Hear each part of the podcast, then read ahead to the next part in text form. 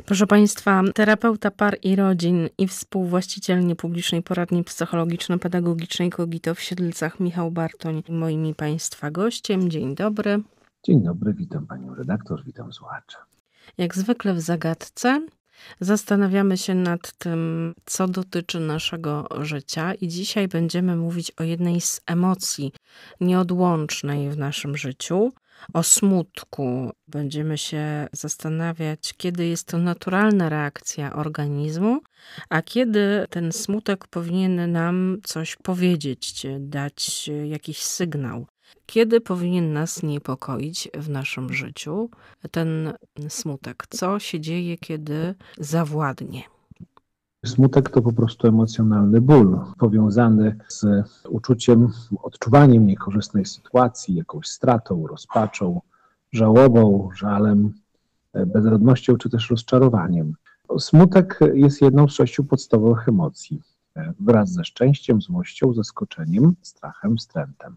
No i my bardzo często traktujemy smutek jako wyraz naszej słabości, jakąś wadę, jako sygnał, że jest z nami coś nie tak.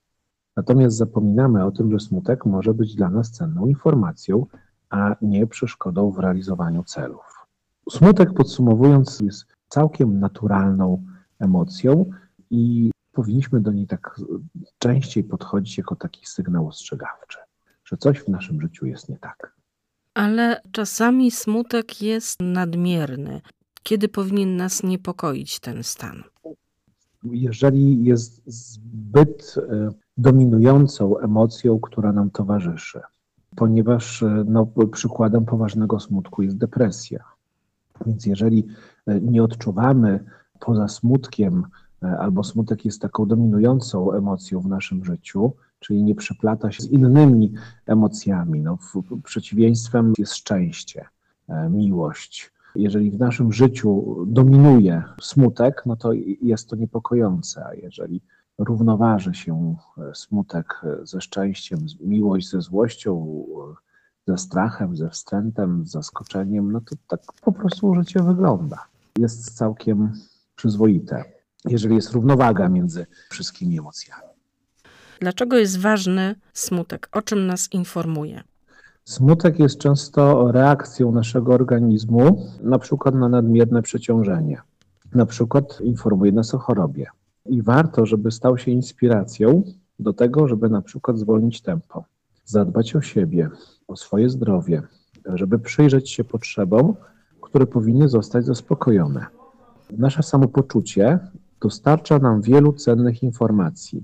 E, ale to od nas zależy, czy je właściwie przeczytamy i jak na nie zareagujemy. Kiedy pani redaktor, pan redaktor, słuchające nas osoby następnym razem nagle bez ostrzeżenia e, poczują smutek, pojawi się on w naszym życiu, to ja bardzo zachęcam do tego, aby chwilę świadomie pobyć w tym smutku i spróbować odkryć, co nam mówi, co za nim stoi. Nie chodzi mi tutaj o to, żeby nadmiernie celebrować smutek, ale żeby zaakceptować to, że jest, chwilę z nim pobyć i właśnie odkrywać, co za tym smutkiem się kryje. Każdy z nas e, w inny sposób doświadcza smutku. Co innego budzi w nas smutek, inaczej na niego reagujemy. No, można powiedzieć, że ilu ludzi tyle sposobów, dlatego warto wypróbować kilka z nich, zanim znajdziemy coś pasującego do naszych potrzeb. Udawanie, że smutek nie istnieje, nie jest lekarstwem na radość warto, po raz trzeci tak to podkreślę, pobyć w smutku, przyjrzeć się mu i odpowiedzieć na kilka pytań. Czy ucieczka od smutku to dobre wyjście? Jak poprzeżywać ten smutek? I co jest naturalne w jego przeżywaniu? Smutek jako emocja ma bardzo paskudny PR. Nie, nie lubimy smutku. Natomiast jest on bardzo ważnym elementem naszego życia ostrzega nas, że coś w naszym życiu nie funkcjonuje tak, jak powinno funkcjonować. I zamiast go wypierać i zamiast go przykrywać, powinniśmy po prostu pozwolić sobie na to, żeby pobyć przez chwilę smutnym i zastanowić się, dlaczego, jakie jest źródło tego smutku. Więc wydaje mi się, że powinniśmy sobie też odpowiedzieć na kilka ważnych pytań. Czego ten smutek dotyczy? Gdzie w ciele czujemy, że go doświadczamy? co jest powodem tego smutku, czego w tej sytuacji potrzebujemy. Co by było w tym momencie, gdy czujemy ten smutek pomocny? To, że y, takie następuje czasowe obniżenie nastroju, że pojawia się smutek, który pojawia się i odpływa, jest naturalnym doświadczeniem każdego człowieka. Smutek pojawiający się w konsekwencji jakiegoś zdarzenia, na przykład rozłąki, straty bliskiej osoby, jest adekwatną reakcją organizmu. Nie powinien nas niepokoić. Kiedy jednak ten stan przeciąga się w czasie, gdy nie możemy dojść do siebie lub wydaje się nam, że pojawia się bez wyraźnego powodu, to wtedy warto poszukać pomocy.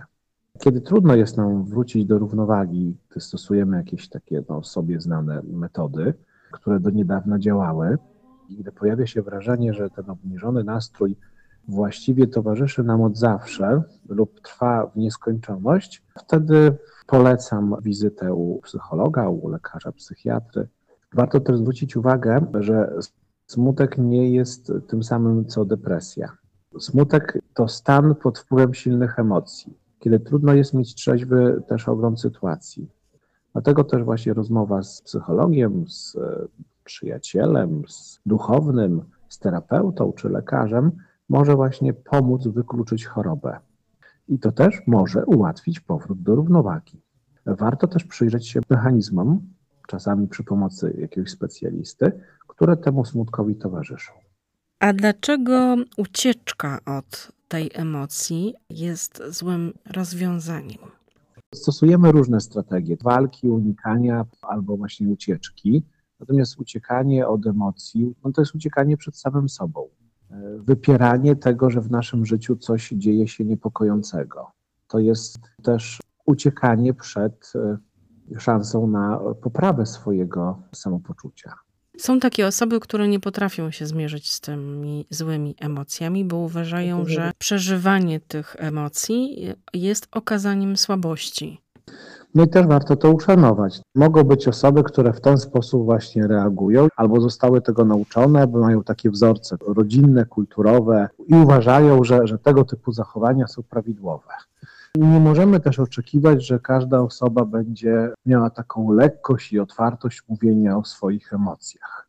Zwłaszcza jeżeli chodzi prawda, o płeć, to trochę się mężczyznom odmawia prawa do nazywania swoich emocji do wglądu we własne emocje. No i osoba, która nie ma takiej potrzeby albo nie umie mówić o swoich emocjach, czy nie potrafi mierzyć się ze swoimi emocjami, to wbrew pozorom tej osobie jest dużo ciężej, bo niewypowiedziane, nienazwane emocje powodują frustrację, powodują złość, gniew, e, popychają człowieka w świat używek.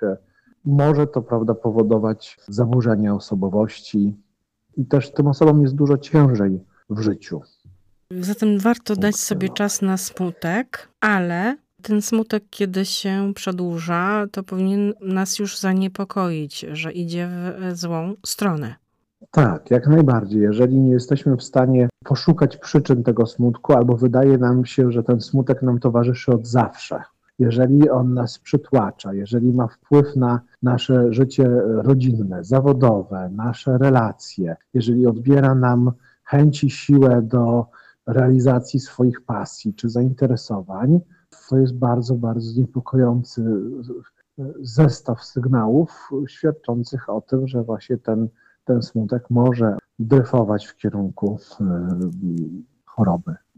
Zatem, proszę Państwa, smutek warto przeżywać i zwracać uwagę na to, o czym on nas informuje. Dziękuję bardzo za rozmowę. Bardzo dziękuję i ja. Do usłyszenia.